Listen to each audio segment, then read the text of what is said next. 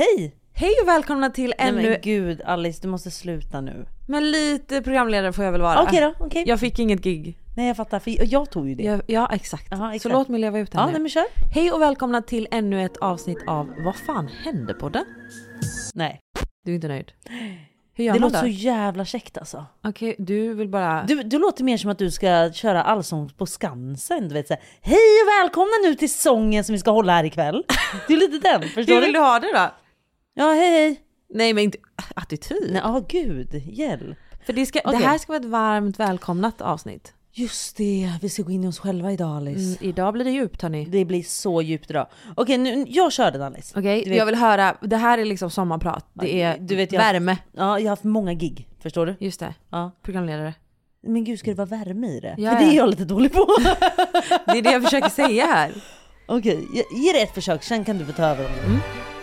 Hej hörni! Vi, nu, nu är det jag som kör allsång. Ser du? Ser du? Åh gud, det är vloggen. Du ger mig skit men, Nej, där men- borta är du as check. Ja, vänta, vänta nu. Hallå hörni, vi är äntligen tillbaka av Vad fan hände på den? Det är där! Där, vet du vad, Oh den my satt god, där satt den Alice!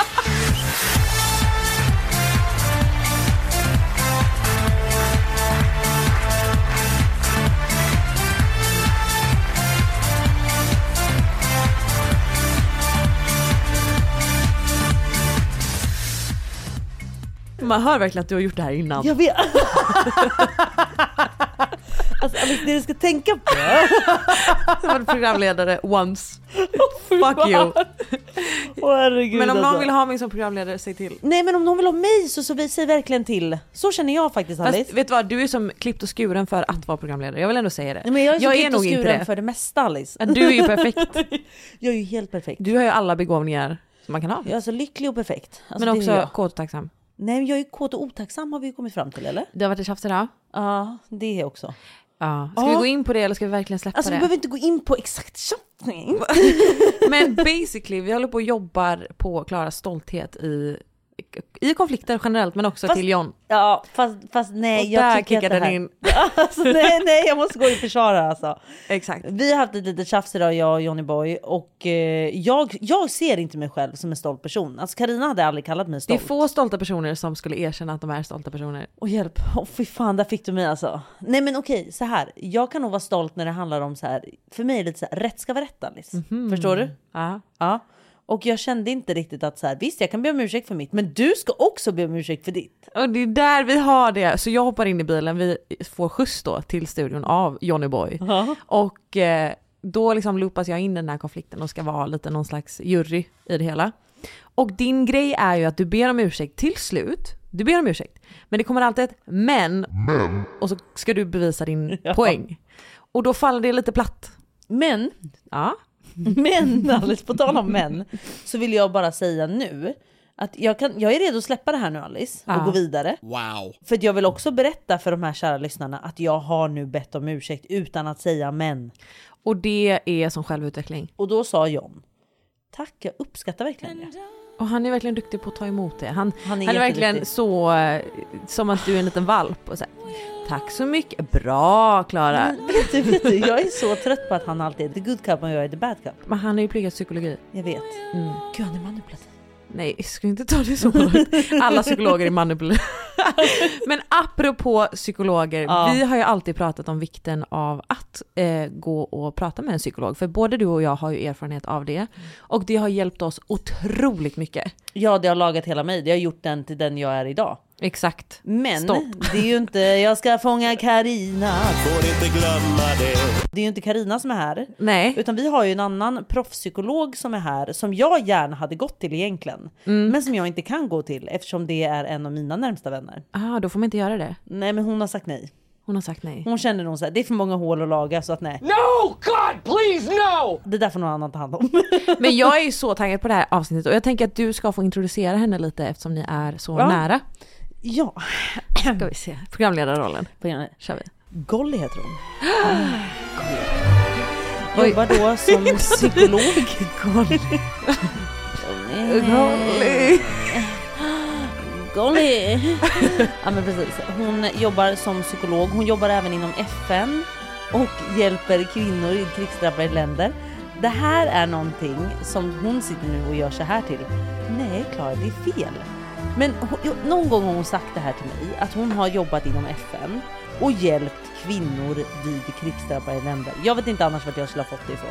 Men hur som helst. Men jag vill också, Hon är psykolog och hon är här. och en av dina närmsta vänner. Ja! Ja, där har vi det. Och vill ni följa äh, Alice? Och vill ni också följa Gollisen på Instagram? Det måste jag också få säga Alice. Absolut. Ja, för det, det tycker jag hon förtjänar faktiskt. Ja, in och följ. Eh, Jaran Por, alltså Y-A-R A-N-D P-O-U-R. Det är vad Golly heter på Instagram. Och vi kommer ju tagga henne på våran Instagram så Ja. ni kommer hitta Ja henne. just det, så kan vi också göra. Men stavar du? Men men, hon är här och hon är här för att stanna. Välkommen in Golly! Alltså jag känner att jag måste, jag, alltså jag skäms så mycket när hon beskriver vad jag gör. Så, jag, så för det första så tänker jag så här, wow, vilket jobb. Jag önskar att jag hade det där jobbet. Eh, men för det andra Golly så... har också varit på månen. ja, det är, det är nästan så hon beskriver Ja, ja. det. Men alltså, vi låter det, vi låter det vara faktiskt. Ja. Vi låter Nej det men vara. du kan berätta Golly, vad jobbar du med? Okej, så så här, jag, eh, jag jobbar ju kliniskt först och främst. Så jag jobbar som psykoterapeut och socialpsykolog, så det är min kliniska jobb. Men sen jobbar jag också på en myndighet och där är jag eh, deras staff counselor, de personer som vi skickar ut till olika postkonfliktländer runt om i världen.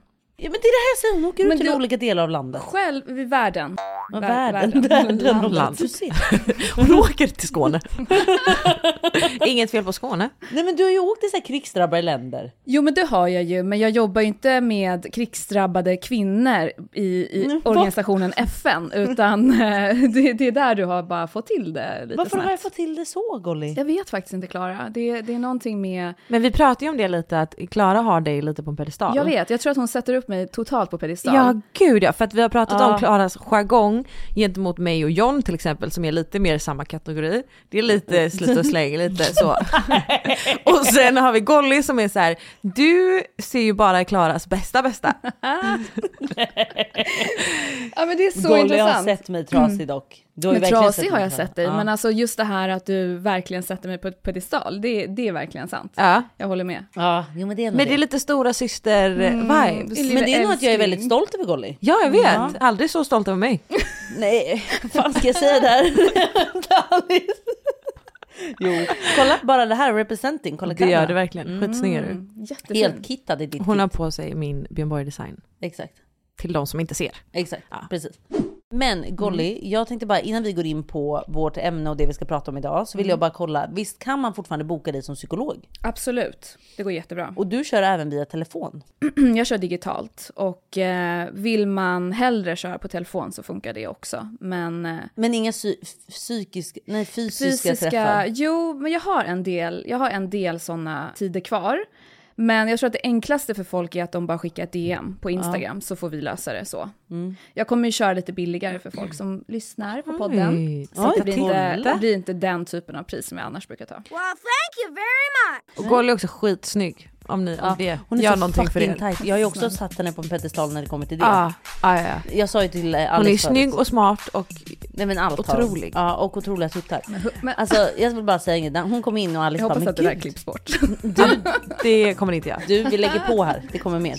N- när hon kom in i studion säger Alice så här, shit vad snyggt du är kvinna. Och jag bara, nej men alltså du ska se hon tränar så mycket, hon kör yoga, hon lyfter sin kropp och så vidare. jag sa ju det. Lyftet, det är Hon det här jag det. menar. Det är så här, tänk dig alltid när Klara säger någonting om mig så är det liksom typ 80% överdrift. Men jag undrar hur du blev en sån karaktär i hennes liv och inte jag. Jag vet inte, jag, jag har verkligen ställt mig frågan. Jag kämpar varje dag för att imponera på dig. Men, men du förstår att så som jag ser dig som en jämlike som mig Alice. jag vet inte ens så om det är det. Nej men tänk dig Golly, hon tittar ner på mig och nästan du vet så här, spottar på mig, förstår du? Ja, ja, Du vet, hon förstår. ser inte mig på samma sätt som jag ser henne. Hon Nej. tittar upp mig och gör så här. Men känns det inte som att alla psykologer lite gör det? Att de tittar på henne och bara mm, issues. Ja, issues. Ooh. Red flag. Exakt så. Ja. Det är så hon tittar på mig. Shit.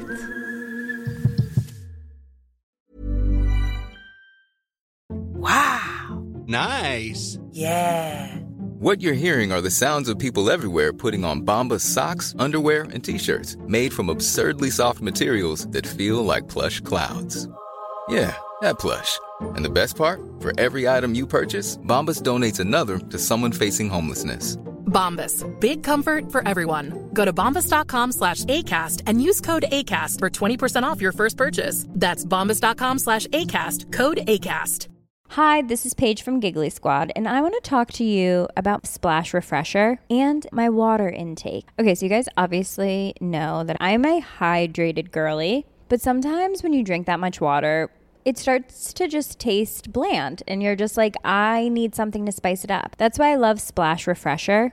It has zero sugar, zero calories, and it's a splash of sweetness. And they come in five different flavors. They're so good. Wild berry, acai grape, pineapple mango, lemon, and mandarin orange. My favorite is the wild berry because I just I just love a berry. So if you're like me and you're drinking water all day, then try Splash Refresher. It's going to absolutely change your water game and it's good for you. Ready to pop the question and take advantage of 30% off? The jewelers at BlueNile.com have got sparkle down to a science with beautiful lab grown diamonds worthy of your most brilliant moments. Their lab grown diamonds are independently graded and guaranteed identical to natural diamonds, and they're ready to ship to your door. Go to BlueNile.com to get 30% off select lab grown diamonds. That's BlueNile.com for 30% off lab grown diamonds. BlueNile.com. Den här spotten är i betalt samarbete tillsammans med Storytel. Ska du på Way West i sommar? Ja, såklart. Jag är så avis. Alltså, jag kommer ju tyvärr få skippa Way West i sommar. Men en sak jag ska göra är att relaxa och lyssna på lite ljudböcker på Storytel. För där finns ju allt man kan tänka sig att man vill lyssna på. Men gud, alltså det låter ju faktiskt hur nice som helst. Och, ja, på tal om Storytel, för oss som ska till Way Out West så har Storytel ett samarbete med Way Out West i år som heter On the Road där de tillsammans har en dokumentärserie med fem artistporträtt från årets lineup. Nej men det här låter så nice. Eller hur? Det är verkligen ett optimalt sätt att ladda upp inför festivalen ju. Och jag är så taggad på dokumentärer om Benjamin Ingrosso som heter On the Road med Benjamin Ingrosso. Och det ska bli så kul att lyssna på och speciellt också eftersom jag, ja, men jag känner honom. Ja, du känner honom. Ja. Den är jag också så taggad på att lyssna på. Och den här serien finns alltså bara hos Storytel. Så ladda ner Storytel och häng med nu på On the Road för att ladda upp nu perfekt inför Way Out West. See you there. Den här spotten är i betalt samarbete tillsammans med Zalando. Alltså tänk dig, du vet en sån här somrig tårta. Okej. Typ grädde, jordgubbar, maräng för mig. Okej, okej. Och sen en vit klänning. Lite blommor, lite god mat, härliga vänner. Vad säger du då? Midsommar. Exakt! Nej men alltså jag är så taggad. Och är man lika taggad som jag så kan man faktiskt kika in på zalando.se och kika in då segmentet nordisk stil för att få inspiration till midsommar och bli lika taggade som vi är. Men, men det är så bra. Och var nu lugna för att Zalando har alla plagg för er. De har ett superstort sortiment av nordiska märken från bland annat Filippa K, Tiger of Sweden, By Malina och så vidare. Ja, det är så mycket att välja på. Och om ni inte är lika planerade inför midsommar som vi är så vill vi också säga det att Zalando har endast en till två leveransdagar på de flesta varor som skickas då av Zalando själva. Men så bra ju. Men du eh, Klara, kommer du köpa en klassisk vit klänning på midsommar eller vad är din plan? Nej men jag tror det. Vad tänker du? Jag tänker något liknande jag också. Men jag kommer nog anpassa outfiten lite utifrån om jag kommer vara i stan eller om vi åker till typ landet. Jag förstår, det där är olika vibes. Exakt. Och med detta sagt så kika in på zalando.se och hitta er outfit inför midsommar nu. Tack Zalando för att ni är med och sponsrar vår podd. Tack Zalando. Men jag är så taggad på det här avsnittet. Det känns som att du kommer hjälpa oss att gå in lite djupare i ämnen som vi annars inte hade kanske riktigt gottat oss ner i. Ja faktiskt, och jag tänker också, vi har ju pratat lite om det, eh, Alice heter du ja. Glömmer mitt namn, perfekt, bra. Så utbytbar. Alltså, Wow, bästa vännen. tog fem minuter liksom. Älskade vän. Älskar det va? Nej men så här, vi har ju också sagt det att om- är de här avsnitten populära så är det ju jättekul om Golly vill komma tillbaka och man har kanske ett stående liksom så här någon gång då och då att Om det här, finns ämnen som ni verkligen vill att vi går in på djupet grottar på. oss in i. Till exempel destruktiva relationer. Vad finns det mer för ämnen vi kunde ha Nej, men jag tänkte också på, på svartsjuka, avundsjuka. Kan Ja. vara väldigt Oh, intressant. mm. Eh, självkänsla. Och jag tänkte det vore ju superintressant att diskutera självkänsla utifrån era jobb. Alltså Ja. som influencers. Gud, ja. liksom. så här, hur påverkar det självkänslan? Alla intryck som ni är med om. Liksom. Hur sätter det för typ av intryck i er? Nej men alltså de här ämnena är jag så taggad på att grotta ner oss i. Och jag är ju även lite taggad på att sen få använda dig Golly till även typ så här barnuppfostran och Ja, sånt. Hur ja. man bekräftar ett barn. Det pratar vi också om att vi skulle ta upp ja. Ja, Mm. det hade jag tyckt var så så intressant. För jag vill ju bekräfta mitt barn som nu säkert förstår. Såklart. Precis. Precis som jag, lycklig, perfekt. Det är bara att upprepa vad du säger till dig själv. Ja, du är lyckad. ett A-barn. Ja, barn. Nej men precis. Men ska vi faktiskt gå in kanske på det vi ska prata om idag då? Mm. Ja. Nej men programledaren fortsätter. Idag har vi faktiskt valt att gå in på kärlek och förälskelse. Exakt. Och vad är då egentligen? Det är så här SVT barnprogram. Vad är egentligen kärlek och pirr i magen? Nej men jag tänker kanske att vi ska faktiskt grotta ner oss i på riktigt det. Typ såhär, vad är kärlek och vad är förälskelse? Mm. Att vi kanske börjar med det. Ja. Så att folk verkligen får... Fattar. Ja men fattar och kan urskilja, för att det är ju två helt olika grejer. Mm. Jag tror de flesta människor, jag säger inte att alla gör det, men majoriteten av människor tror ju att, att kärlek ofta är en känsla. Jag vet inte, tänker ni att kärlek är en känsla? Ja, det skulle jag säga att det. Mm. För det är det vanligaste associationen folk har. För att vi tänker så här, ja men vi blir ju dragna till någon, vi blir attraherade av någon. Och sen så börjar vi investera i dem och sen kommer förälskelsen. Det är klart att det är en känsla, det är så de flesta ser. Ja. Varför ser du lite konstig ut Nej, där, Klara? jag, nej för Ja. jag kände såhär, vad skulle det annars vara? Ja men precis, därför att grejen är den att vad man egentligen eh, menar, eller vad man egentligen menar att kärlek består egentligen utav, det är några komponenter och grundstenar. Utan det så finns egentligen inte kärlek. Nej. Och det finns inte heller en grund att egentligen skapa kärlek, det vill säga långvariga relationer eller liksom eh, tajta, starka band. Och om jag säger att det finns sex stycken olika komponenter, vad tror ni, om ni får bara så fundera på, vad tror ni är grundstenarna i kärlek? Vad behövs för att en kärleksrelation ska typ funka? Tillit. Mm. Du har faktiskt rätt. Tydligt där. Glad. Are you stupid or something? Eh, jag skojar. Glad. En smiley. Eh, men tillit. lycka liksom, känna den här, är du fin? Attraktion. Nej. Ni får gå vidare, alltså jag pratar Ja, förlåt, förlåt. Eh, Vi har mutat Klara, hon är så här helt borta ur Jag bara, kallbon. ni vet när jag Alice, sitter vad här. tänker du? nej men Golly, jag tänker att det är... Så bra. Okej vänta, så Ja, inte glad då? Nej, inte glad Klara. Inte glad. Nej. Mm. Så tänk dig så här, det här är grundstenar, här är så här, utan de här komponenterna så finns inte, du, du kan liksom inte knyta an till en person. Kommunikation.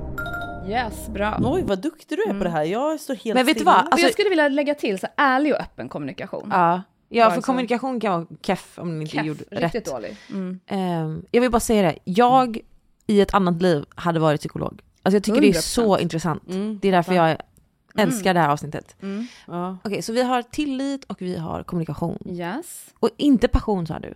Alltså, Jaså? Egentligen inte, nej. Egentligen inte. Det finns lite andra nämnare som skulle kunna bakas in i passion. Så om ni bara lyckas naila dem så är ni på rätt väg. Attraktion? Nej. Det var det Nej. jag sa. Nej, du sa väl passion? Jag sa både och. Okej, ska, jag lägga- ah, ska jag lägga till då? oh, shit, ska hon vara hennes jävla glädje alltså. Man måste ju vara glad Golly. Golly, jag är ju glad. Åh herregud. Okej, så ärlighet och eh, öppen kommunikation sa vi ju. Ja. Sen har vi respekt. Ja men givetvis Givet, såklart, men det var exakt. så självklart Nej men det är ju det, de, de här grejerna är ju inte alltid självklara, ni vet Nej. ju själva liksom. Hur ofta är det så att partnern respekterar Nej. en? Nej. Eh, validering, alltså bekräftelse. Mm. Det var ni lite grann inne på. Ömhet och sen affektion. Vad är affektion? Ja men att visa känslor, visa liksom eh, omsorg. Mm, okej. Men det tänker jag är lite i passionskategorin. Mm, exakt, Ja. det går in där. Men får jag fråga, det här är för att kärlek ska kunna uppstå? Det här är för att kärlek ska överhuvudtaget kunna existera. Okej, men kan vi bli förälskade utan att vi har allt det här då? Det kan vi bli, och vi kommer in på det. För att bara så att man förstår att de här, det här är grundpelarna, så utan dem så kan vi egentligen inte knyta an till någon annan. Och hur vi lär oss de här delarna, det är helt och hållet baserat på hur våra föräldrar egentligen har visat och älskat oss. Det här är så intressant. Alltså, så hur vår intressant. anknytningsmönster alltså till våra föräldrar har sett ut är under uppväxt, uppväxten, speciellt under barndomen, påverkar det här. Oj, alltså Så de blir egentligen, man kan säga de är egentligen de första, absolut första personerna i våra liv som tränar oss i vad kärlek är. wow. Gud, det där är så sjukt. Så om vi träffar en partner, det här är också så intressant, så om vi träffar en partner och eh, eh, han inte talar samma kärleksspråk som oss, så har ju uppenbarligen den partnern haft föräldrar som har liksom tränat honom eller henne i ett sätt. Och sen så har vi tränats på ett helt annat sätt. Och så blir det så här, men vad fan, vad, vad håller du på med? Du ska ju visa mig kärlek på det här sättet som jag ser kärlek på. Medan han ser kärlek på ett helt annat sätt och ger mig ständigt, men jag kan liksom bara inte vara lyhörd till det. Det här är så intressant att du kom in på det, för vi pratade om det för några veckor sedan i podden, om just olika kärleksspråk. För jag och John har väldigt olika kärleksspråk. Ehm, Och då med andra ord helt olika så ett sätt ni har blivit tränade i kärlek. Exakt. Men också, jag skulle också vilja eh, lägga till att så här, bristen på vad man, alltså så här, det man inte fick som barn kan också vara en supertrigger i en Absolut. relation. Absolut. Så jag tänker typ på mitt, eh, min extrarelation så var det, om det var någon konflikt typ, så var han naturligt mer tyst och jag ville överkommunicera allting. Exakt. Och för honom var det bara så här, vi låter det liksom lägga sig lite och sen kan vi prata om Mm. det. Och jag är så här, vi måste prata nu, nu, nu. För att det jag blev triggad av var den här tystnaden. Precis. Som är någonting jag växte upp med. Som eh, inte varit hälsosamt. Liksom. Exakt. Exakt. Så lika mycket som man är mottaglig för den kärleksformen man är van vid, så är man också triggad av det som var Exakt. brist på. Mm, precis så. Men får jag bara fylla ut med, hur funkar det där då om man har olika kärleksspråk? Kan man lära sig ett nytt kärleksspråk? Man kan lära sig ett nytt kärleksspråk, för man får ju någonstans också se det som att föräldrarna var ju de första som tränade oss. Sen har ju vi konstant nya personer som kommer in i våra liv, vi har våra vänner, vi har eh, ja, men partners som kommer in, vi har kanske andra typer av bekanta, så allting, all, man kan säga att hela livet sen därefter blir en träning. Så antingen så kan vi behålla den typen av mönster som vi har lärt oss, eller så kan vi faktiskt träna och öva ganska mycket i terapi gör vi ju det liksom. Vi övar på att egentligen reparera det här gamla mönstret för att lära oss en ny tak- taktik och teknik för att liksom älska och visa kärlek på nya sätt. Så, men då krävs det ju en hel del insikt om att det här sättet som jag liksom visar kärlek på kanske inte är så jättemottagligt för min partner, eller att det kanske är triggande, eller att det kanske inte är egentligen särskilt kärleksfullt. Om man kommer ifrån en väldigt liksom destruktiv familjemönster. Hur vet man att man är förälskad? Alltså förälskelse, det, det är verkligen en, en helt egen kategori. Jag tror att det är så viktigt att särskilja de här två bitarna. Därför att eh, jag tror att många människor, inom liksom processen av kärlek så sker ju förälskelse. Men förälskelse är ju en väldigt liksom intensiv stund. Och den här lilla intensiva stunden är, alltså det är väldigt många som har olika teorier om vad det här innebär och vad man egentligen ska göra under den här förälskelsen. Vissa menar på att ja, men det är en förberedelse för att individer liksom ska skapa starka band tillsammans. Andra, och för att liksom få en varaktig kärlek. Andra menar på att ja, men det här är bara en jaktfas. Alltså det är typ egentligen, hela målet är reproduktion, alltså fortplantning, typ som Klara och John liksom. Alltså du vet, Literally. literally. alltså att man ska man träffas, man är kär, man ska skapa barn, det är typ det som är målet. Ja, det var vi, ja. Men drivkraften till att egentligen bli förälskad, det är egentligen att man längtar efter att känna sig väldigt liksom full, ja, men så fullkomlig och Ja. trygg tillsammans med en annan person. Jag tror att det här är en sån farlig, eh, vad säger man, fälla för många människor. Jag, jag vet i alla fall en person som jag eh, är en bekant med, som är väldigt kär i kärleken. Och som liksom lätt kan fastna i det där att man liksom, det enda man egentligen tänker på är att man vill ha en relation. Men det blir aldrig någon relation. Men de vill alltid ha den här relationen och det enda de tänker på är liksom att så här, men de är kära i kärleken helt enkelt. Förstår ni? Exakt. Det går aldrig över Mm. till kärlek utan det stannar alltid bara vid förälskelsen. Precis Och så. jag tänkte ju säga idag att jag kan inte relatera så mycket till det här. Mm. Sa jag till dig Golly. Ja men precis. Eh, för att jag har aldrig varit så här kär i kärleken. Men då sa ju du att nej, du är ju motsatt istället. Mm. Alltså du har ju en sån personlighet där du är ju extremt förnuftig. Liksom. Li- A-barn, A-barn. Ja men du alltså plockar kärlek. isär personer. Ja men exakt. Ja. Eh, oh, shit. Ja, alltså på ett sätt. Nej men alltså det jag tänker som, som är liksom din, ehm, jag, jag vill inte säga att det är en utmaning, men vi kan väl ändå vara helt ärliga och säga det, att du har ju också haft svårt för att faktiskt bli kär. Därför att du har ju träffat och dejtat väldigt, alltså inte många, men du har ändå gett dig själv en chans. Ja. ehm, efter det här exet. Någonstans så har ju du oftast haft väldigt starkt motstånd till kärlek. Du hittar fel väldigt snabbt.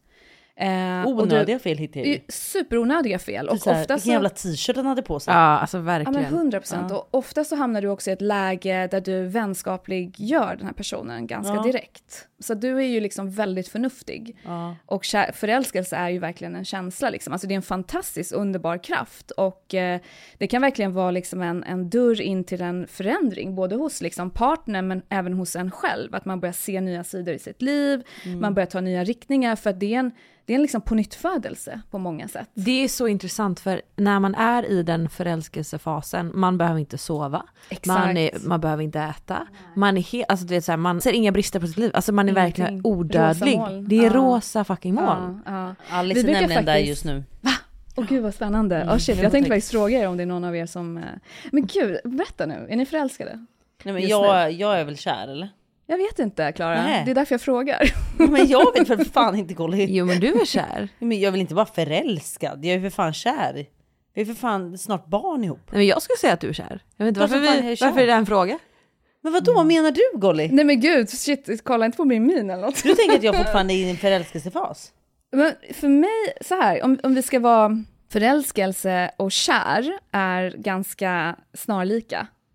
För att jag kan ju nästan känna att så här, om jag får vara, jag har ju sån jävla insikt, ni vet perfekt lyckad av Ja, barn och exakt, så Du är så underbar. Eh, så blir det ju, nej men så är det faktiskt så att jag kan ju nästan känna när jag var förälskad i John och när jag blev kär i John. Mm, berätta skillnaden. Nej men jag kände av verkligen, alltså när jag var förälskad i John, då var ju allt perfekt. Han var perfekt, det fanns ingen som honom och han, allt med honom var bara bra liksom. Men sen kom ju den här, när smekmånaden tar slut. Och så kom de här sidorna som man var så här, ah, det här såg inte jag innan. Jag såg inte att du var så här jävla dumenvis innan. Eller, alltså man, man ser sidor som man kan krocka på plötsligt, som man inte såg innan. Men nu älskar jag honom ändå. Men så här, just när förälskelsen, då var ju allt bara liksom blommor och bin. Ja. Bokstavligt talat då. Literally. Ja. Men sen såg man personen vad han faktiskt var. Han var ju bara en människa. Och han har ju också sina brister, precis som han upptäckte mina brister. Så det blev väldigt tydligt för mig tycker jag när våran smekmånad var slut. Exakt. Och jag antar att när den tog slut så tog väl, eller inte förälskelsen slut. Då gick det över till att vara kär. Ja, då gick det över mer till, eller? Alltså jag, jag är lite, jag skulle vilja säga så här att eh, ehm, för mig så är förälskelse och kärlek typ, eller förälskelse och eh, att vara kär nästan samma sak. Ja. Men den har olika peaks. Ja. Okej, så den kan gå upp i liksom ett väldigt högt eh, värde där vi, är, vi har de här extremt rosa molnen liksom. Och sen så börjar det liksom bli kanske mindre och mindre och mindre. Och där någonstans i den kurvan neråt är kärkänslan. Okej. På samma sätt som i början när vi liksom håller på att lära känna någon så börjar den här kurvan gå upp, upp, upp mot det här extremrosa. Och den kurvan är också för mig att vara kär. Men sen när man börjar etablera en relation och att man hamnar i en, en fas vi kommer gå in på lite senare, då är det kärlek i en annan bemärkelse. Då är det som djupa band, det är anknytning, det är liksom, det är, man känner djup kärlek. Och det är det jag tycker att du och John har. Ja. Ni har verkligen en djup, djup kärlek. Det är det som, som jag Ja, tycker. och man är trygg med varandra. Det 100%. finns liksom inget som är så här Nej, men ovisst exakt. längre. Utan För jag tycker förälskelse kan också vara väldigt otrygg. 100 För att man också, man om vet man, ju inte vart man har varandra. om man går in i det med den här som du säger perfekta fasaden, man vill liksom inte prutta framför sin partner, man vill inte du vet göra man är väldigt lösningsorienterad, man är bara så lätt och härlig och ledig typ. Kåt och tacksam. Kåt och tacksam. Ja. Eh, men det kanske inte är den här djupa trygga känslan, utan det är mer så här, det är spännande och fartfyllt och ma- och mycket energi i den relationen. Ja, verkligen. Och att man typ växer in i det som blir tryggt, förhoppningsvis. Ja, precis så.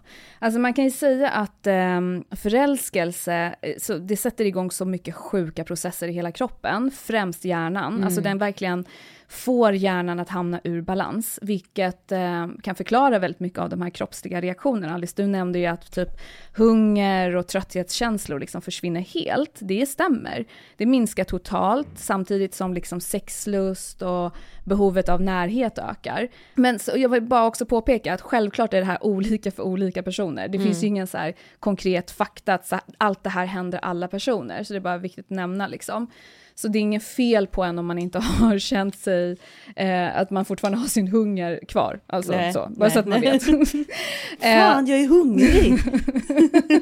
men enkelt förklarat så, så jag kommer inte gå in i någon biologi så att alla lyssnare hänger med på det här, men enkelt förklarat så frigörs extremt många kemiska ämnen i vår kropp som påverkar oss när vi, när vi är liksom kära och eh, förälskade. Och det är liksom känslor som, som är förknippade med lycka, med njutning, alltså vi snackar höga, höga doser av dopamin, sjukt höga. Vi snackar jättemycket kortisol och adrenalin i kroppen. Det är ju en fantastisk fas det här alltså. Alltså det är så underbart. Och sen så oxytocinet som vi inte får glömma för det är verkligen bästa hormonet och Det det man- främjar våran liksom förbindelse och eh, det ska man närhet. också ta fram under förlossningen. Mm. Det är en cocktail av bara massa, eh, att man blir hög. Ja, typ. man blir typ hög. Och sen testosteronet som stimulerar sexlusten och det är oavsett kön. Så kvinnor får också faktiskt Underbart. utlösning av det. Ja. Men det finns ju väldigt mycket negativt med detta också. Nej, såklart. vadå? Ja, man jobbar inte alls lika bra. För jag tycker det är också intressant, jag vet att det är många Mm. som eh, kan relatera till att att komma över en situationship som är superpassionerad kan ibland ta längre tid än att behöva komma över en långvarig relation. Och det i sig är ju helt sjukt. Absolut. Men det är också 100%. väldigt vanligt att det är så att så här, man är på G med någon eller man träffar någon och sen så funkar det inte men man kan inte komma över personen. Men det är väl bara exakt. bra sex eller? Men jag tror det är mycket mer kemiskt än så. Väl, väldigt mycket mer kem, kemiskt än så faktiskt. Alltså grejen är, det finns ju vissa faror med det här. För just när man pratar om förälskelse så, jag tror att missuppfattningen folk har är att, men vi pratar om att det är fantastisk fas, det är ju verkligen det. Men jag tror att här blir ju faran för att man vill så gärna stanna i den här fasen. Man vill liksom inte ge sig ut ur den. Och jag tror att det är precis det här som du också förklarar med din vän där, att, eh, ja, jag vet inte om det var han eller hon, men Eh, att få den här känslan av att man ständigt liksom vill vara i kärleken, man är kär i kärleken Ja. men man kan inte stabilisera sig, man kan inte liksom riktigt komma ut ur den fasen riktigt och ha en relation som är fungerande. Nej. Eh, men det finns ju vissa liksom faror med det här med förälskelse och eh, en av de farorna som jag tror ni var inne på här, det är att vi har en benägenhet att se det vi vill se hos den andra. ja. Och det här, och det gör att vi blir väldigt, väldigt dåliga på att uppmärksamma de egenskaper som vi tycker mindre om. Så därav kan vi locka till oss ganska destruktiva relationer, eller relationer som sen visar sig vara någonting helt annat. Och vi bara, men va? Jag trodde inte det här om honom. Eh, och då blir vi väldigt skamsna och känner oss misslyckade för att vi har liksom lyckats haffa en snubbe som är bara skit liksom. Men då är man bara blind. mot det man... Det, det är det här som är grejen, det är att när du är i den här kärleksfasen, eller den här kärfasen, i den här förälskelsefasen, så tenderar du till att inte se de här tendenserna. Och det är då vänner kan komma och bara du fan, är det inte lite Ja. red flag att han gjorde så här? Absolut, absolut. Och man går in i försvar. För du har, Ja. du har en objektiv synvinkel, du är inte subjektiv i den här känslan, alltså förälskelsen, du är ju helt utanför. En annan tendens som också är kopplat till det här vi pratar om, det är att vi idealiserar partner under förälskelsen. Eh, och det kan vara väldigt vackert, att vi liksom tycker om en person så mycket så att vi liksom verkligen, ja men du vet, sätter personen på pedestal. Och ofta så gör vi det liksom för att vi någonstans eh, bara beundrar den här personen. Men vi kan också, om vi var väldigt älskade och väldigt trygga som barn under vår uppväxt med våra föräldrar, så har vi oftast inte det här behovet av att idealisera andra personer. Det är lite intressant. Jag kan tänka att det som är farligt med att hyperidealisera en person man dejtar är att när det väl håller på att avta så kan man bli väldigt avtänd av det man Mm. Ja, faktiskt ser. Absolut. Att så här, de ri- riktiga färgerna kommer fram och man är så här, fast det här var inte vad jag vill ha. Mm. Exakt. Så att det är viktigt att tänka på så här, att den man dejtar inte ska vara hela vägen upp Mm. till himlen. Precis. Vi kommer med lite tips och tricks sen vad man kan eh, eh, tänka på när man träffar en partner så att man har med sig de här typen av förhållningssätt. Men får fråga, om man har då en tryggare uppväxt som barn Mm. så blir det inte att man blir lika så här blown away? Nej, inte Nej, alls. okej. Inte alls. Därför att du Intressant. har, ja men precis, för att alltså, risken med att man har haft en otrygg eller eh, otrygg uppväxt eller har dålig självkänsla eh, så förväntar man sig oftast, det är väldigt omedvetet såklart, det är ingenting som man är med, medveten om, men det är omedvetet att den andra personen ska liksom tillgodose ens ouppfyllda behov. Fattar. Så att, eh, så att man går runt där och har liksom eh, massa saker som man önskar sedan sin uppväxt som man inte har fått. Och någonstans så lägger man det här på parten. Men det är väldigt konstigt egentligen om man, om man tänker att man har aldrig fått det. Och så blir det att man har en sån stor förväntan på en människa. Det det blir, för mig blir det nästan tvärtom, att det skulle vara att man inte förväntar sig någonting. Men man drömmer ju också om kärleken. Man har ju den här liksom verkligen Ja, höga behovet. ja. ja, precis. Och sen är det omedvetet såklart. Är det samma person som då kan vara kär i kärleken? Det kan vara samma person, absolut. Det kan vara. Eh, men förhoppningsvis så tänker jag ju någonstans att eh, under livet så um, blir vi förhoppningsvis mogna och genom erfarenhet och med hjälp av terapi såklart också så kan vi verkligen kunna särskilja det här och börja liksom se den verkliga personen redan under förälskelsen. Så det här är ingenting som personer med en, en dålig eller otrygg, eh, dålig självkänsla, otrygg uppväxt inte kan jobba på såklart. Det här kan man ju verkligen bearbeta. Ja, man är inte doomed. Nej. Men får jag fråga, det kanske vi kommer till, men de då som fastnar i den här förälskelsefasen och sen antingen lägger ner eller att den andra partnern lägger ner då. Mm. Är det då för att man börjar se the true colors? Och man bara säger nej jag vill bara känna de där rosa molnen. Det kan vad- vara en av anledningarna, absolut. Men det finns en mycket, mycket starkare anledning till, till varför det är så. Vi kommer komma in på det. Jag ska bara lyfta en sista grej, det här med faror. Och det är faktiskt risken som man kan se hos ungdomar, tonåringar, men också faktiskt liksom vi, eller kvinnor och män, upp till 25. Och jag lyfter 25 för jag vet att många lyssnare är ju liksom runt den här åldern. Och det är att man, eh, man går in i en förälskelse eh, och när man gör det under den här åldern så går det ju hand i hand ihop med ens identitetsutveckling. Man utvecklas ju fortfarande liksom. Så relationen används här som en spegel för att förstå vem man själv är.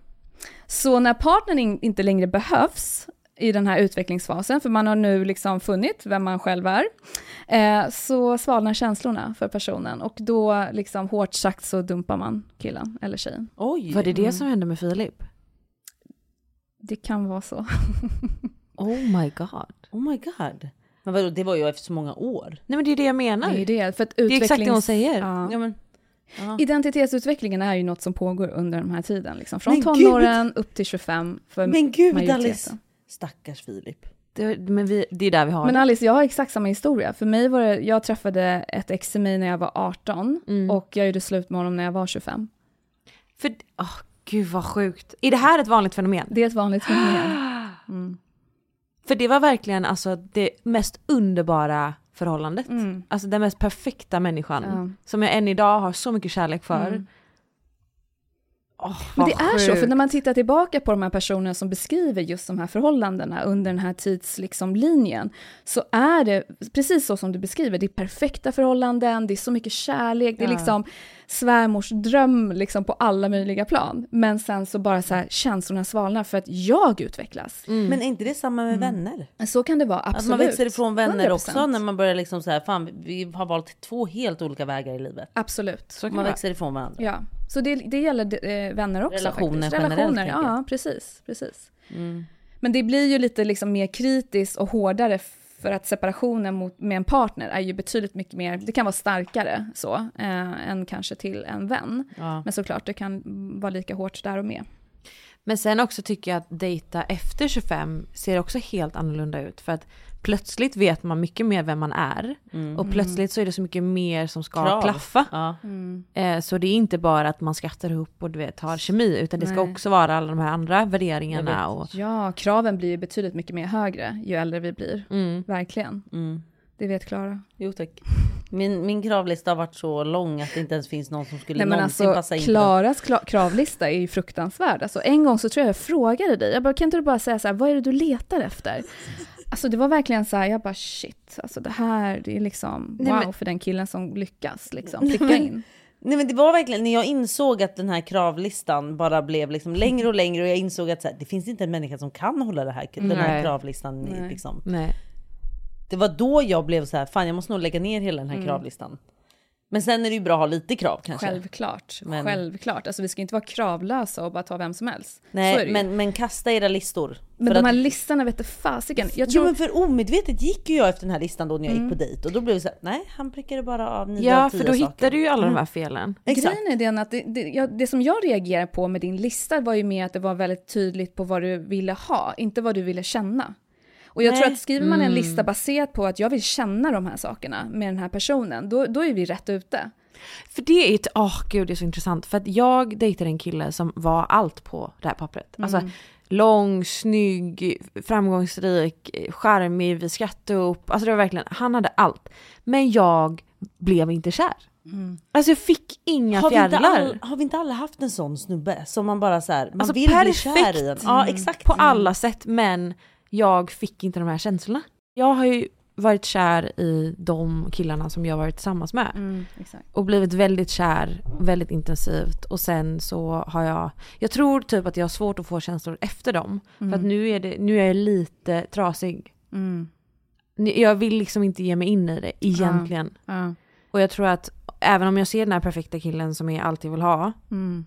Så är det någonting i mig som har liksom stängt av den Mm. förmågan att göra det. Ja eller så har du inte alla de där sex underdelarna som var tvungna att finnas. Yes. Ja, Ja, kan också Det är det vara här det. som är grejen. exakt tänker det. jag. Exakt det som är grejen. För att jag hade ju den där perfekta killen också på pappret. Ja. Men varför blev jag inte kär i honom? Ja för jag hade inte den här jag hade inte, jag, jag kan ju säga det, av de där sex delarna, jag hade inte allt det. Nej. För det är precis det det handlar om. Vi tittar oftast på att ja, men partnern, har han alla de här sex grundstenarna? Men det är ju lika mycket du själv. Har du, har du jobbat med alla de sex grundstenarna för att kunna möta någon med de här sex grundstenarna? Ja. Så har vi någonstans svårighet med tillit, vilket är vår absolut största svårighet. Har vi svårighet med det, då är det så här, okej, men liksom, vi, vi kommer ha svårt att knyta an. Alltså vi kommer ha svårt att ha förtroende för varandra, gå in i relation utan att känna liksom oss eh, eh, rädda. Alltså sånt där kommer trigga. Grejer kommer trigga. A lot can happen in the next three years. Like a chatbot may be your new best friend. But what won't change? Needing health insurance. United Healthcare Tri Term Medical Plans are available for these changing times. Underwritten by Golden Rule Insurance Company, they offer budget friendly, flexible coverage for people who are in between jobs or missed open enrollment. The plans last nearly three years in some states, with access to a nationwide network of doctors and hospitals. So, for whatever tomorrow brings, United Healthcare Tri Term Medical Plans may be for you. Learn more at uh1.com. Hiring for your small business? If you're not looking for professionals on LinkedIn, you're looking in the wrong place. That's like looking for your car keys in a fish tank. LinkedIn helps you hire professionals you can't find anywhere else, even those who aren't actively searching for a new job but might be open to the perfect role. In a given month, over 70% of LinkedIn users don't even visit other leading job sites. So start looking in the right place. With LinkedIn, you can hire professionals like a professional. Post your free job on linkedin.com slash spoken today. Since 2013, Bombas has donated over 100 million socks, underwear, and t shirts to those facing homelessness. If we counted those on air, this ad would last over 1,157 days. But if we counted the time it takes to make a donation possible, it would take just a few clicks. Because every time you make a purchase, Bombas donates an item to someone who needs it. Go to bombas.com slash ACAST and use code ACAST for 20% off your first purchase. That's bombas.com slash ACAST, code ACAST. I betalt samarbete med Parfym.se så har vi lite grymma tips som vi vill dela med oss av. Och inte bara det, vi har också en otrolig rabattkod att dela med oss av. Ja, så lyssna nu. Vår rabattkod på parfym.se ger dig just nu 25% rabatt. Och koden är vad fan hande. Och för er som inte känner till parfym.se så har ju de allt. Man kan ju tro att de bara har parfym. Men det har de inte. Att de har så mycket hårvård, hudvård, Makeup, Du är ju lite av en hudvårdsguru skulle jag Ja säga. men det är jag faktiskt Du Alice. har grymma tips på hudvård och alltid haft. Ska jag säga några tips? Snälla ge oss tips. Vill ni ha det här liksom glowet? Det vill man ju. Det vill man. Då finns det ju ett snigelslem som har blivit väldigt omtalat. Jag har hört om det. Och det är ju från det här märket som jag inte kan uttala, men jag, jag bokstaverar det. COSRX. Men det sni- snigelslemmet Alice, det är otroligt. Det är ju alltså en essens som du liksom klappar in i huden. Så det funkar alltså? Du, jag kan säga så här, testa det och kom tillbaka till mig. Vill du ha ännu mer glow och ännu mer lyster, då knappar du hem Mesomask från Filorga. Det vet jag att du pratat om innan. Oj oj oj Alice, det är en återfuktande mask. Och herregud, ingen har väl missat Propolis-serumet från eh, Dr. Circle. Alltså den är också otrolig. Och allt det här har Parfym.se? Ja! Men har de SPF? De har även SPF såklart Alice. Och min lista är så lång så att jag hade kunnat fortsätta i timmar här. Men jag ska, jag ska hålla mig. Och istället uppmanar jag er att gå in på parfym.se. Om ni då är sugna på att handla något, uppge vår kod vad fan hande för att få 25% rabatt. Och den här koden går inte att kombinera med andra erbjudanden eller på premium brands och kit. Men vem behöver de där grejerna när man får 25% rabatt? Är det så bra? Tack Parfym.se för att ni är med och sponsrar vår podd. I betalt samarbete med den nya globala streamingtjänsten Max. Det här är jättestort Alice, för att Discovery och HBO Max har alltså nu blivit Max. Max är då Warner Bros Discoverys nya globala streamingtjänst som kombinerar allt du älskar från HBO Max inklusive Warner Bros, Cartoon Network och DC Universe och Discovery Plus samt Livesport och alla favoritkanaler som typ Kanal 5. Nej men alltså det här är så bra. Och äntligen kan vi se nya Dune Part 2 som hade premiär på lanseringsdagen. John vill så gärna se den. Nej men alltså, gå in på Max. Och på tjänsten så finns också klassiker som typ Harry Potter eller ikoniska filmen Barbie. Har du sett den? Jag har sett den. Ja den var faktiskt lite rolig. Den var rolig. Alltså jag kan tycka att den var lite överhypad för att den fick extremt mycket PR. Ja. Men absolut värd att se om man inte sett den. Mm, och den kan man se på Max. Och till alla fotbollsfans, ni kan nu se livesport som Allsvenskan. Eller OS i Paris i sommar. Men de har ju inte bara filmer, de har ju även serier. Jag såg att de hade alla Game of Thrones. Alltså det är ju en lång serie att committa till men värt varenda timme man spenderar. Det är ju typ världens bästa serie. Nej men alltså den är så bra. Ja. Men de har ju även liksom mer lokala serier då, som till exempel This is Benjamin Ingrosso. Oh my god, jag är så taggad på den. Jag med. Den finns ju också nu ute på Max. Och det är alltså ett intimt porträtt av en ung begåvad artist på resan mot sin barndomsdröm. Att bli en internationell stjärna. Nej men alltså han har verkligen blivit det. Nej men alltså han är en ikon redan. Herregud, det ska, alltså jag är så taggad på att få se det här. Men Alice, när man då har laddat ner appen Max, då måste man ju sen skapa ett abonnemang. Och det finns ju tre stycken grundabonnemang. Det finns ju basic och då är det ju reklam. Den kostar 89 kronor. Och sen är det standard som är 129 kronor och premium 169 kronor. Och abonnemangstillägget sport krävs då för att se exempelvis Allsvenskan, men OS i Paris 2004 ingår i alla paket. Så gå nu in och registrera dig på Max för att inte missa de här otroliga serierna eller filmer. För det här är en streamingtjänst som kommer verkligen kunna erbjuda er allt. Så missa inte det här. Tack Max för att ni är med och sponsrar vår podd. Men då undrar jag Golly, för någon som har trust issues, alltså jag. Eh, Du bara, jag, är jag pratar om mig själv. Är jag förstörd? Liksom? Alltså, Nej! gå- för jag vet liksom. Absolut inte. Jag har jätte, jättesvårt, Ja. även om jag går in i en relation som jag vill tro den, det Mm. bästa om, så har jag också lite gett upp hoppet om kärlek. Det låter jättemörkt men, men det är också lite så här, ja ja, det är lite så det är, men det gör ju Mm. också att jag har trust issues. För jag Mm. tänker att så här, alla kan slip någon Mm, gång. Mm. Så varför ska jag lita fullt ut på att du bara kommer vara lojal till mig, alltid? Mm. Nej, alltså så här, jag skulle säga att det är absolut inte kört. Däremot så behöver man ju fundera eller liksom jobba vidare på att stärka upp den här självkänslan som ligger till grund för varför tilliten eh, till andra, men främst till dig själv. Så när vi snackar om tillit så är det viktigt att alltid ha det här med sig att när vi tänker att jag inte litar på andra så handlar det väldigt ofta också om att vi har väldigt svårt att lita på oss själva. Det vill säga att om jag går igenom en, en svår händelse, om jag blir dumpad, om han sårar mig, om han gör någonting fel eller du vet, triggar mig. att jag måste lita på att jag kan hantera mig själv och ta mig själv upp igen. Så det är Mm. oftast där det här problemet med tillit sitter. Mycket, mycket sällan att det ligger hos den andra partnern. För att egentligen, människor kan ju bete sig hur som helst mot oss, egentligen. Men om vi reagerar ständigt och är väldigt reaktiva gentemot deras beteenden och bara blir förstörda och tappar oss själva, det är där vi tappar också tilliten till tilliten. Ah. Men får jag gå in här lite bara, Ja. Alice, i den här tillitsgrejen? 100% varför frågar du mig? Nej, nej, nej, men jag tänkte, jag, jag tänkte om du ville säga något Alice, om det det är här. för din så- podd. Alltså. alltså är det okej Alice om jag säger Du, något? vet vad, du får prata. Ja, toppen. nej men, eh, nu kommer jag höja mig själv här igen. Sällan. Det är väldigt sällan du inte gör det, så nu förväntar vi oss att du... Som sagt, A-barn och så vidare. Ja. Men jag tänker så här. Jag då som har haft otrogna pojkvänner hela jävla tiden förutom John typ. Mm. Och bara haft liksom destruktiva relationer och allt i det. Varför har jag fortfarande lätt för att lita på människor? Får jag bara ställa dig en fråga tillbaka? Ja. Har inte du också varit otrogen? Nej. Har du inte? Okej, jag tror att du hade varit det. Ja, nej. Kolla, du försökte sätta mig på plats här va? Jag tror det var någon gång där Någon när du gång, var ja. 18. Exakt. Vänta, vänta, Alice, vänta. give me five. Nej, okej, okej, nu ska jag berätta. Här sitter vi, Här Miss sitter hon, Perfect! A-barnet! Nej men vänta, vänta, okej, jo så här. Jo, jag var otrogen. Ja. Men jag åkte direkt hem, för det här var, det här var ju, jag bodde ju i Motala då va? Mm. Eh, jag åkte, jag var, Du åkte hem en- direkt från en- pizzerian och...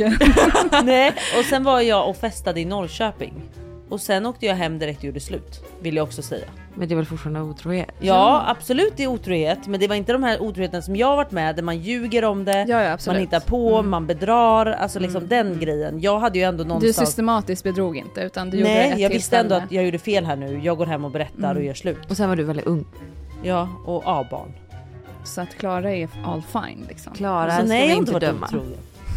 Okej. Nej men så, det är Ja. det jag menar. Hur kommer det sig att jag fortfarande Därför är så du lyckad? har... Nej men därför... Alltså shit. Nej men jag skämtar men Varför Hur är Klara så bra Varför och heter det Alice en är... podd? Vad fan hände? Det borde heta så här A-barnet tillsammans Och med hennes kompis Alice. som ibland får prata. hur kommer det sig då Golly till exempel där då? Hur kommer det sig att jag inte är förstörd i den grejen? Är det för Där- att jag då har sån trygg bas att stå på där Ja, eller? ja. Ja. Trygga Du, föräldrar så här, du har, föräldrar. du har, du har, för det första så har ju du en väldigt trygg anknytning, det kan vi konstatera. Mm. Eh, det är min analys av dig. Ja.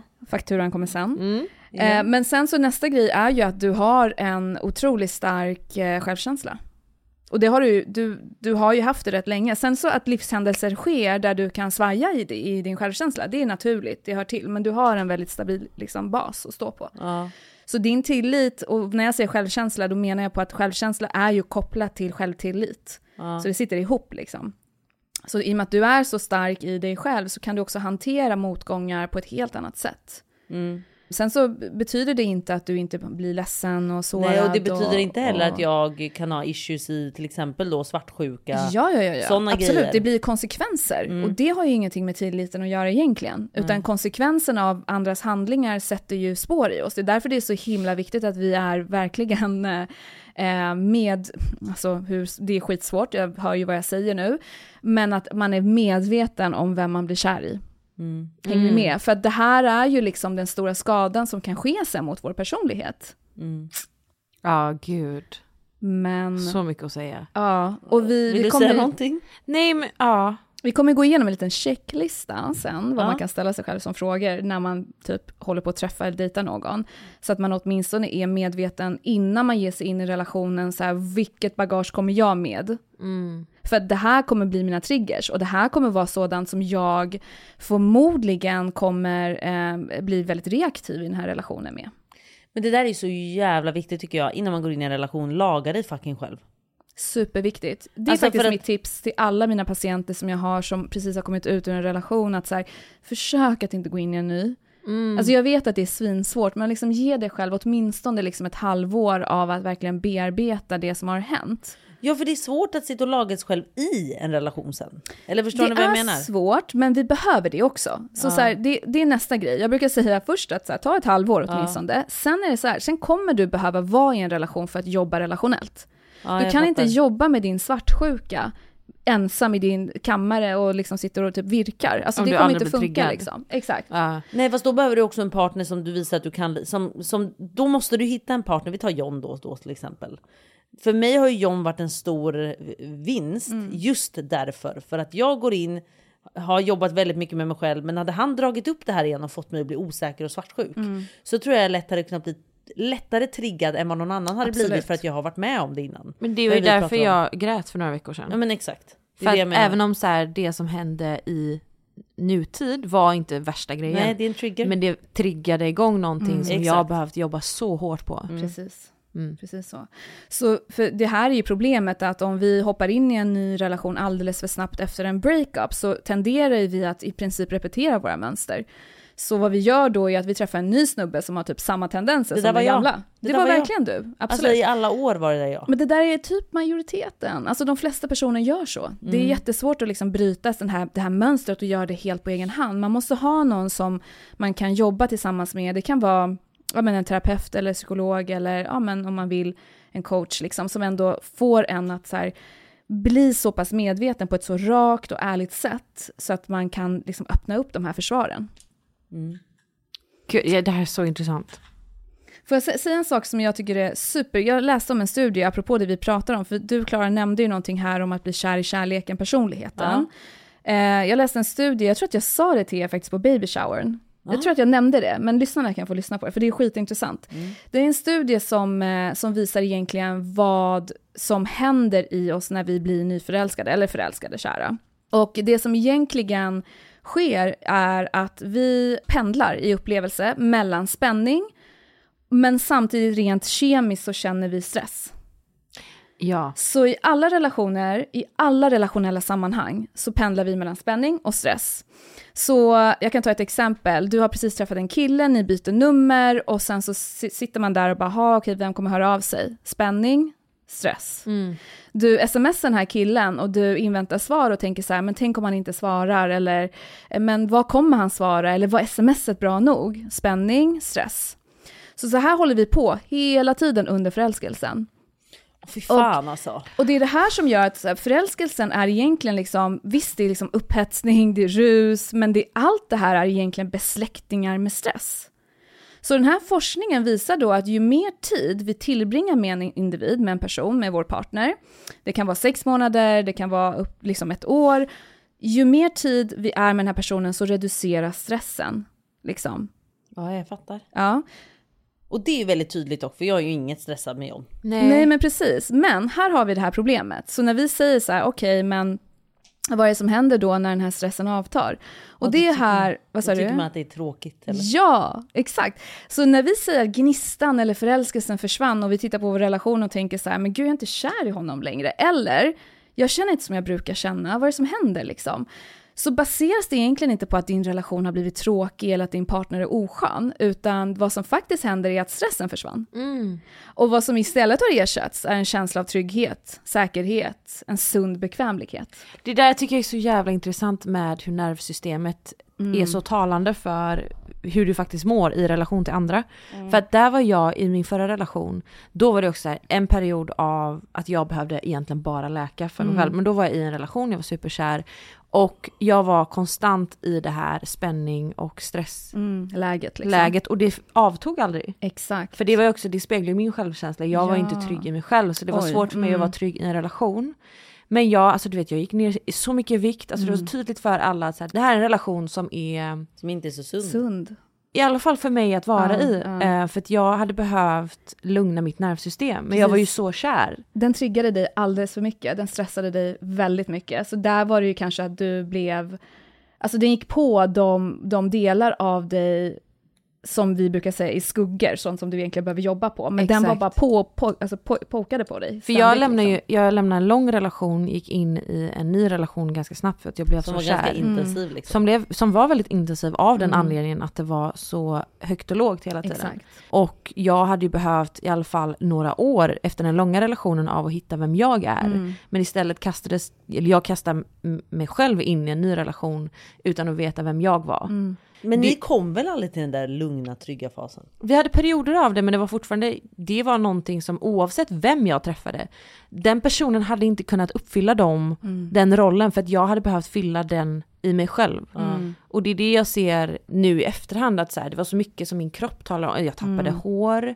Ja, jag fick shit. stressakne, har Mm. aldrig haft det i hela mitt liv, jag gick ner i vikt. Mm. Men jag var också så här, jag, jag ville så gärna vara med den här personen så det var värt Mm. att vet, inte kunna sova. Det var Exakt. värt att... Exakt. ehm, Men det du, det du faktiskt pratar om väldigt mycket, det är ju det vi säger att man faktiskt kan bli utmattad av förälskelse. Jag var utmattad. Mm, mm. Totalt utmattad. Och det var så intressant för jag jobbade ju med Lukas då, Mm. som var min assistent. Mm. Och han kunde ju se hur jag, alltså du vet, det jag klarade av på dagen var att tänka på honom, alltså Mm. mitt ex. Eh, och vara med honom. Det var Mm. utan problem. Men allt annat som var utöver det, som var att jobba, du vet, ha koll på mitt liv, jag hade inget minne. Alltså jag var ju, min hjärna var suddig. Och jag kan inte förklara det på något annat sätt än typ så här utmattningssymptom. Ja, ja, ja. Ehm, och Lukas då fick liksom ge mig en checklista på så här, det här är minimum vad du måste klara av idag. För att det här är som deadlines. Utöver det, jag hade ingen ambition, jag hade Mm. ingen ork till att klara av någonting. Det är så himla Ja. tydligt att det var en utmattning. För att föreställa er själva liksom att ständigt vara i en, en Stress. stresspåslag liksom. Alltså Och man, är... man får diarréattacker, alltså Mm. hela kroppen bara säger ifrån alltså. Ja, verkligen. Förlåt. det är helt okej. Men alltså det är, så, det, men det är väldigt Har ni också intressant. känt det? Jag vet att du hade det. Jag hade inte det, men jag hade akne. Mm. Ja, nej, nu ska du vara kåt och tacksam och snygga tjejen här. Är akne bättre än diarré? Jag vet inte. Jag inte jag heller. Men alltså det, det, det är verkligen så sjukt det där, för att grejen är, hjärnan har ju liksom ingen kapacitet egentligen att skilja ut på så här, vilken stress, alltså vart kommer stressen ifrån? Är det förälskelse eller är det för att jag jobbar fett hårt? Alltså det, stress som stress, för Mm. mycket adrenalin, för Mm. mycket kortisol bränner ut vår kropp, punkt slut. Men det är intressant, för jag tror inte många vet att förälskelse också kan leda till utmattning, just att man är i en relation under lång tid, men det leder ingenstans. Alltså relationen får liksom ingen, ingen slutdestination. Eh, vi blir aldrig trygga, vi blir aldrig, eh, eh, vad, vad säger man när man blir exceptionell tänkte jag säga, men när man går ut att säga att man har en relation. Vad kallar man det? Exclusive. Exclusive, exakt. Vad säger man på svenska? Exklusiva. Exklusiva, tack, shit. International, reser så Eh, mycket yes, över landet. FN, FN. FN. Och det är det här som gör att liksom vi bara går runt och är kvar i den här förälskelsefasen i så lång tid utan att egentligen hamna liksom i någon slutsats. Men till slut så säger ju faktiskt kroppen ifrån. Så det är det här som gör det lite intressant, därför att i många andra sammanhang, typ när vi jobbar hårt, så kan vi verkligen leda oss själva in i väggen utan att kroppen säger, kroppen säger ifrån, men vi lyssnar inte. Men i förälskelse, där reglerar kroppen själv. Så det är därför som många är så här, men gud, jag var bara kär i typ en månad. Men det var för att den personens kropp sa ifrån efter en månad, att, vet du vad, nu räcker det. Liksom. Mm. Jag pallar inte med den här stressen. Men- Medan andra kan vara kära typ i två år I utan can problem. go hard. Alltså men min jag kropp... med. Jag, är- jag kan vara kär i all oändlighet. Ah, det är gud. helt otroligt. Men vad jag frågar då, de som sitter och lyssnar nu och känner så här, ja men hur går jag vidare från det här då? För jag kan ju relatera till att eh, när jag hade min destruktiva relation Mm. och så började jag dejta igen och allt det här. Jag tyckte ju att alla relationer blev tråkiga när den här Mm. jaktfasen var över. Mm. Om vi får säga Mm. så.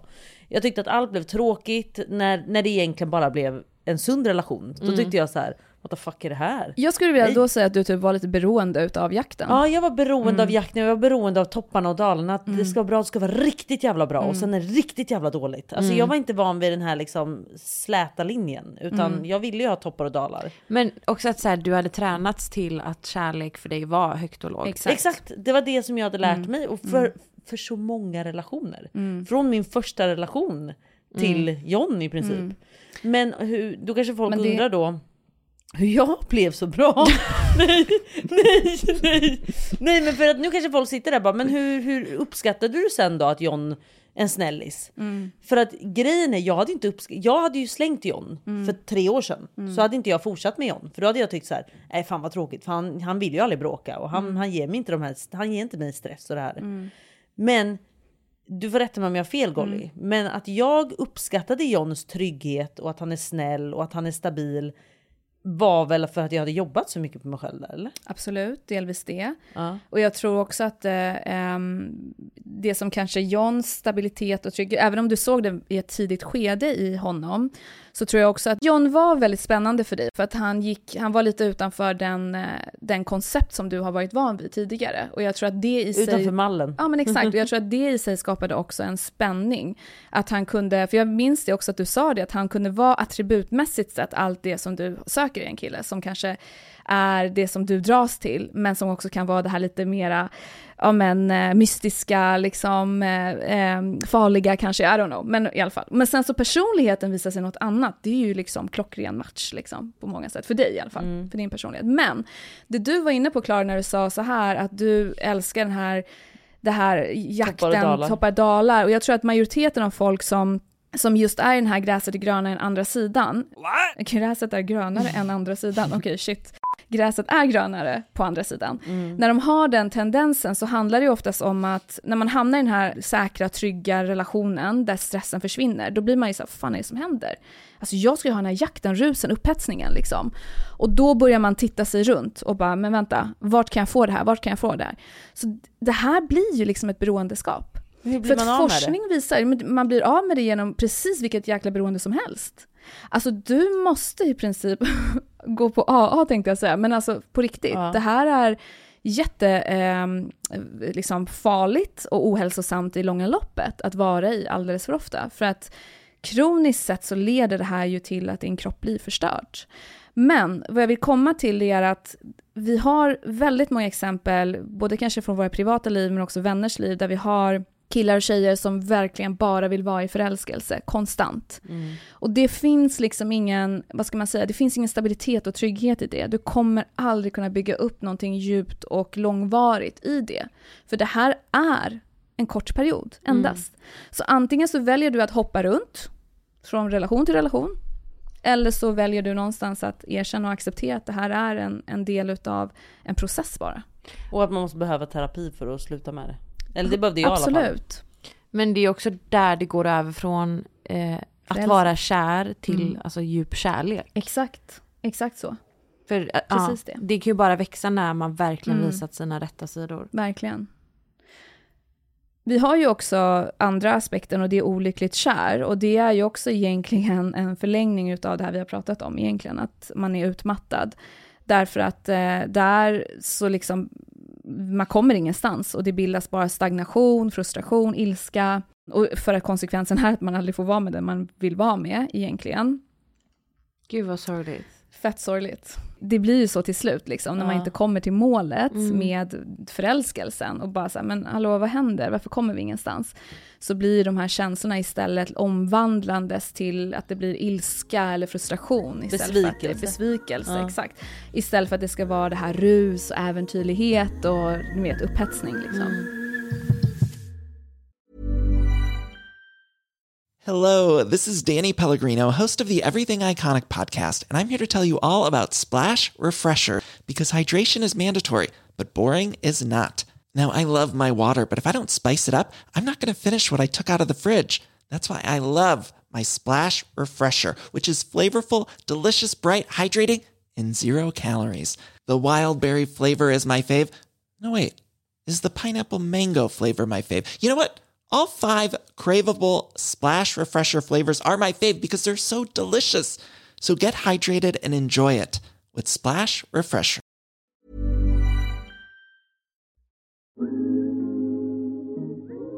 Men jag då som sitter här i den här stabila, trygga relationen och, Och ett perfekt A-barn. Eh, A-barn lyckad och så vidare. Så tänker jag så här, men vad gör man för att behålla en sån där förälskelsegnistan i förhållandet längre tid? Mm. Om man nu är en sån person som verkligen så njuter av den perioden. Liksom. Mm.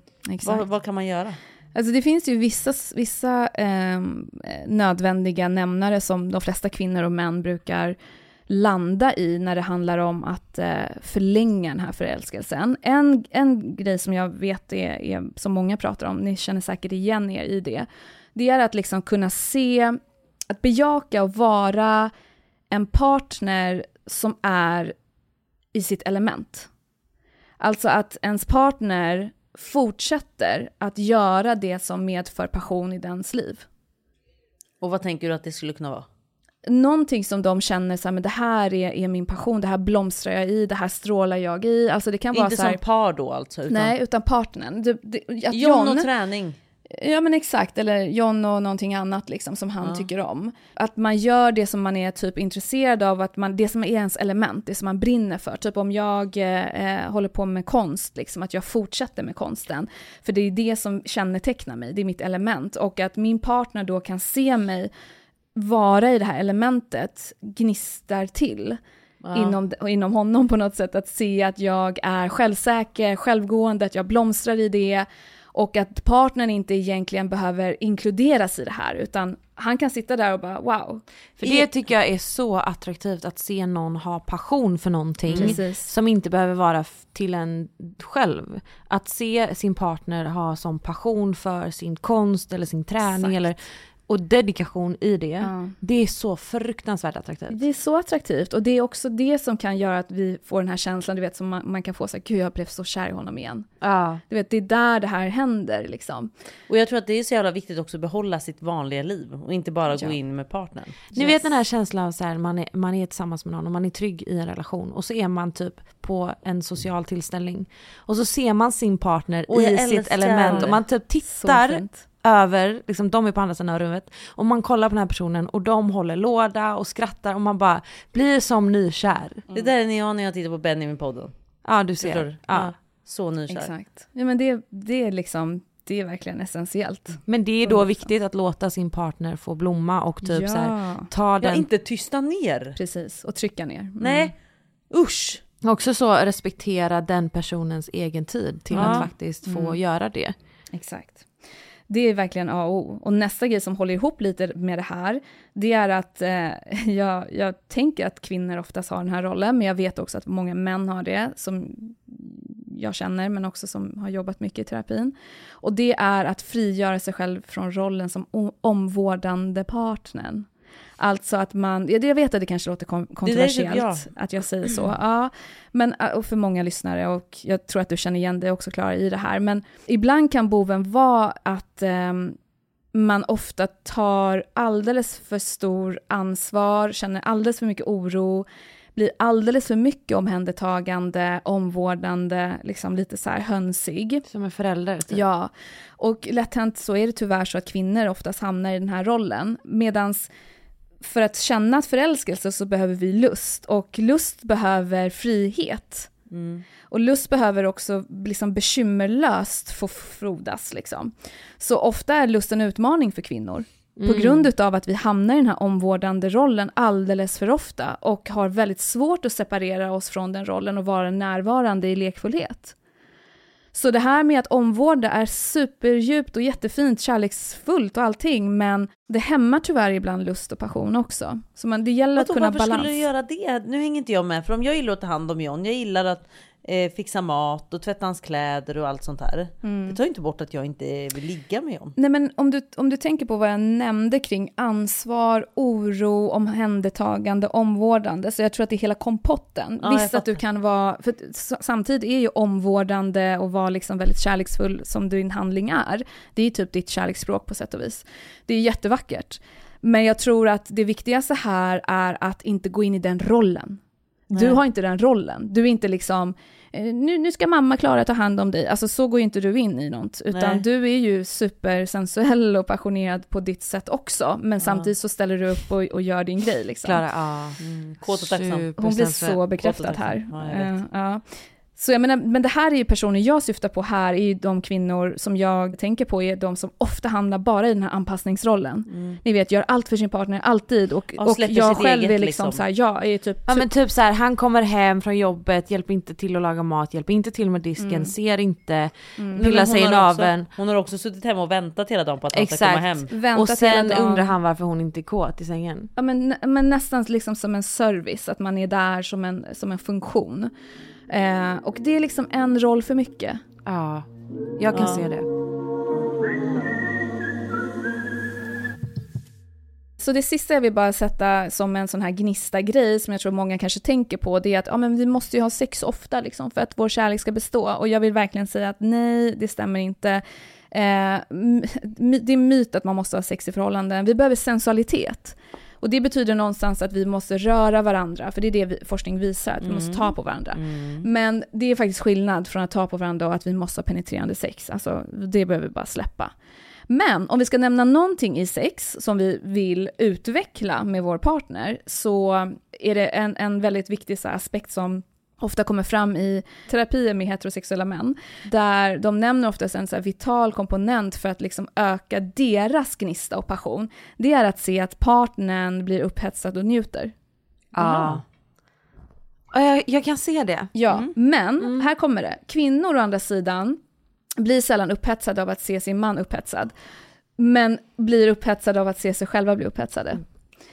Så, och varför det är så, det är för att det här kommer tillbaka till lusten och det är för att liksom kvinnor, vi behöver ha en självupptagen approchering här.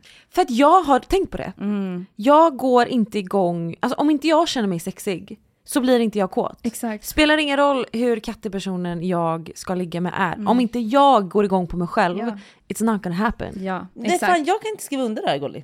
För, eller jag, jag hör dig, jag, det är klart att det blir ännu najsare om jag känner mig sexig och porrig och hela Ja. den grejen. Men jag kan nog ändå gå in i mitt mindset här. Ja, men jag, jag kommer till Ja, det. ja. Alltså grejen är så här, för att vi kvin- kvinnor som, som behöver jobba med den här liksom, approcheringen, att bli lite mer självupptagna, därför att varför vi vill, eller vill att kvinnor ska bli det, är ju för att vi har oftast en tendens att hamna i den här omvårdande rollen. Alltså att vi blir så här, men hur går det för honom, hur mår han, vad känner han? Att vi blir så upptagna med fan. hans liksom, Mm. upplevelse i det här. Så att vi glömmer bort lite grann att, men herregud, det är min egen njutning också. Det är väl därför vi utvecklat att fejka orgasmer. Exakt. Åh herregud Ja men alltså. precis, det var precis det jag ville komma till. Bra Alice. Fan du är natural Serious, I wanna be. I wanna be like you. Åh herregud hjälp. Men det hjälp. här är verkligen en win-win för alla, så kan vi bara sluta vara så här och, och verkligen börja bli Men självcentrerade. gör man det längre? Alltså, Folk gör det. Och jag Klara, vill till alla er som lyssnar. Ja för, för mig är det, gud nu kommer jag in som avbarnet där igen då. Nej men jag har aldrig fejkat en orgasm. Ja men det har jag. Det ska jag vara ärlig och säga. Jag kan skriva under på den. Det har jag absolut gjort. Men när jag var ung. Alltså nu hade jag aldrig gjort det längre. För varför ska jag prisa hans ego om du inte har fixat det? Alltså så här, om du inte kan lösa att jag har njutit av den här stunden så känner jag så här, varför ska jag prisa ditt ego och låtsas ha njutit? Ja det är verkligen sant. Men det är ju, den karaktärsdraget finns ju hos vissa kvinnor, att de har det här behovet av att liksom vara tillfredsställande. Ja. och eh, vara anpassningsbar. Nej, Att fuck genom det. att se att han njuter så, så blir liksom, då, då har jag lyckats med mitt jobb. Mm. Så ser många kvinnor på sig, på sig själva. Det är därför som jag vill sprätta lite i det här för att också få kvinnor att förstå att men din njutning, din essentiella liksom autentiska njutning är viktig, för den är på riktig.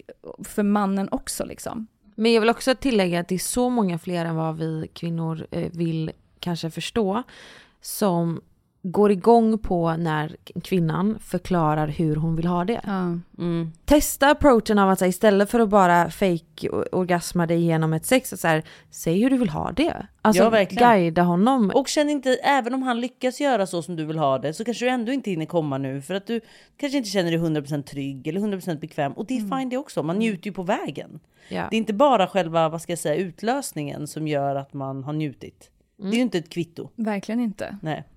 Men jag vill faktiskt säga, vi ska ju faktiskt wrap it up lite snart. Mm. Men jag vill ändå fråga en sista fråga Golly. Hur ska man då jobba med sig själv i allt det här som vi har pratat om? För att få en lyckad relation, för att få en långvarig relation? Mm. Vi pratar ju lite löst om att ha en liten checklista för dig Ja. själv. Och jag tror att det är bra att ha de här liksom, re- självreflektionerna för att fundera igenom hur ens förälskelsemönster egentligen ser ut. Ja. Och eh, en fråga jag tycker man kan ställa sig själv det är vilken typ av person faller du för? För det vet vi oftast. Alltså är det här en person som du vill falla för? Eh, eller dras du till den här personen som är destruktiv för dig? Alltså så att bara reda ut det, gå igenom din egen liksom, relationella historia. För där får jag bara flika Vad in har en sak du för också. typ som ja, du brukar det var falla för? exakt det jag skulle komma till. Att nu, nu kan inte jag längre säga vad jag gillar för Mm. att som sagt nu gillar ju jag sunda bra killar. Skulle inte ha tid med den där huvudvärken.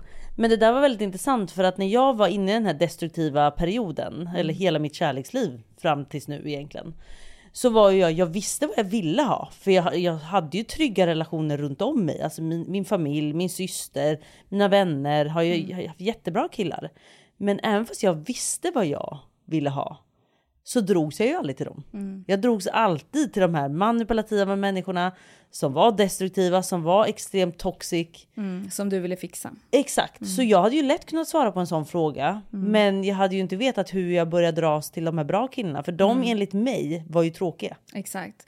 Och därför behöver du ställa dig själv lite fler frågor. Eftersom Ja. att du då kommer i kontakt med att okej, jag dras till den här typen. Bra, Mm. då har du det liksom klart för dig. Um, sen finns det ju frågor som du kan också gräva i ännu mer och det är liksom, um, ja men till exempel liksom, eh, känner du igen något från din relation till dina föräldrar eller syskon eller någonting från din uppväxt, någon specifik händelse som du tror du kan ha blivit påverkad utav? Varav du hamnar i till exempel i de tendenserna du hamnar i att du vill fixa, att du vill ta hand om, att du vill omvårda. För det är ju liksom, det finns en konkret eh, relation mellan ditt sätt idag som du är mot John som är hälsosamt, där du tar hand om Mm. relationen på ett hälsosamt sätt, som kan gå till en destruktiv nivå, det vill säga att du går in och vill fixa din partner. Exakt. Ja, Så men det är jag klar med. Exakt, men det är, om man tittar på det utifrån en linje, så är fixad liksom längst bort, nu är du på en sund nivå, Ja, där du exakt. tar hand om, kanske på ett mer omvårdande sätt, liksom med omsorg. Men sen så kan man ställa sig själv frågan, blir du blixtförälskad eller tar det lång tid? Finns det ett mönster i vad som brukar göra dig besviken i relationer?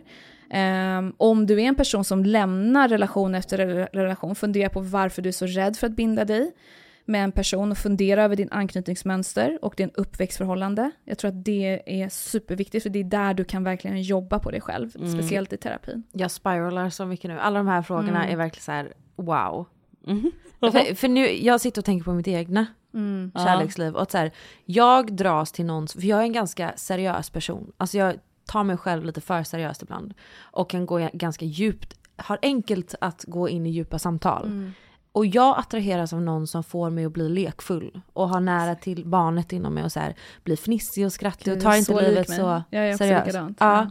men, och jag är tvärtom. Men det som blir fallet ibland i det är att samma person som drar fram det lekfulla i mig kan jag också känna inte alltid tar mig så seriöst som jag vill. Shit. Point! Och jag, så när du, när du sitter här och pratar så börjar jag ju reflektera över det här och inse att gud vad det är en balansgång i att hitta något som man attraheras av i form av någon som är lite mer, oftast är det folk som är lite mer kreativa, lite mer extroverta så. Eh, Men de ska ju också matcha mina behov i att jag måste ha djupa samtal och jag måste, eh, mina boundaries behöver bli tagna seriöst och inte liksom Mm. förbisedd. Mm. Ja, Precis det var så. bara det jag kom fram till här när jag Ja, satt här. shit, så smart. Lite psykoanalys av mig själv. Så bra. Ja, men, du, men, du har fan, nej, men du har ju fan jobbat hårt med dig själv Alice. Och det tror jag alla som är nära mig kan se den Mm. utvecklingen för att jag är inte samma person. Mm. Det är som att efter att jag gick liksom till mina första psykologsamtal så kan inte jag gå tillbaka till samma Mm, exakt. perspektiv Ja. som jag hade innan. Det är väldigt intressant att du säger det, för det är en, en jättestor myt som folk har av terapi, att liksom, men tänk om jag faller tillbaka. Alltså vi faller oftast inte tillbaka. Det är det, när vår personlighet väl har utvecklats, Mm. då, då blickar vi aldrig tillbaka på Ja. hur vi var då. Jag tycker att allt det här är så intressant och jag tycker verkligen att vi ska ta tillbaka Golly in i fler avsnitt och djupdyka in i fler samtalsämnen. Alltså 100%. Så trevligt. Ja. 100%. Nej men Golly, alltså stort tack att du kom hit. Men tack själva hörni. Du Och- är en stjärna. Ja nej hon är en fucking stjärna. Jag säger till dig, alltså om Golly inte var min vän så hade jag gått till Golly. Ja, det kan jag säga. Nej men det, hade jag, det kan jag verkligen Ja, säga. Eh, men som sagt, vill ni kontakta Golly så är det ju Jaran Por på Instagram. Vi kommer även Jag, lägga jag ut det här älskar på att du kan uttala mitt efternamn så perfekt. Jag vet men ju, återigen. Jag vet inte riktigt vad du jobbar med, men hon kan ditt efternamn. Återigen tjejer! Ah, Ja, barn! Åh, hörni, tack så mycket för att ni lyssnade på veckans avsnitt. Och är det något Verkligen. ämne ni vill att vi ska lyfta tillsammans Golly. med Golly, så skriv in det till Benim så skriver han ner det och anordnar det. Benim fixar. Tack så mycket för att ni lyssnade. Tack! Puss och kram. Hej då!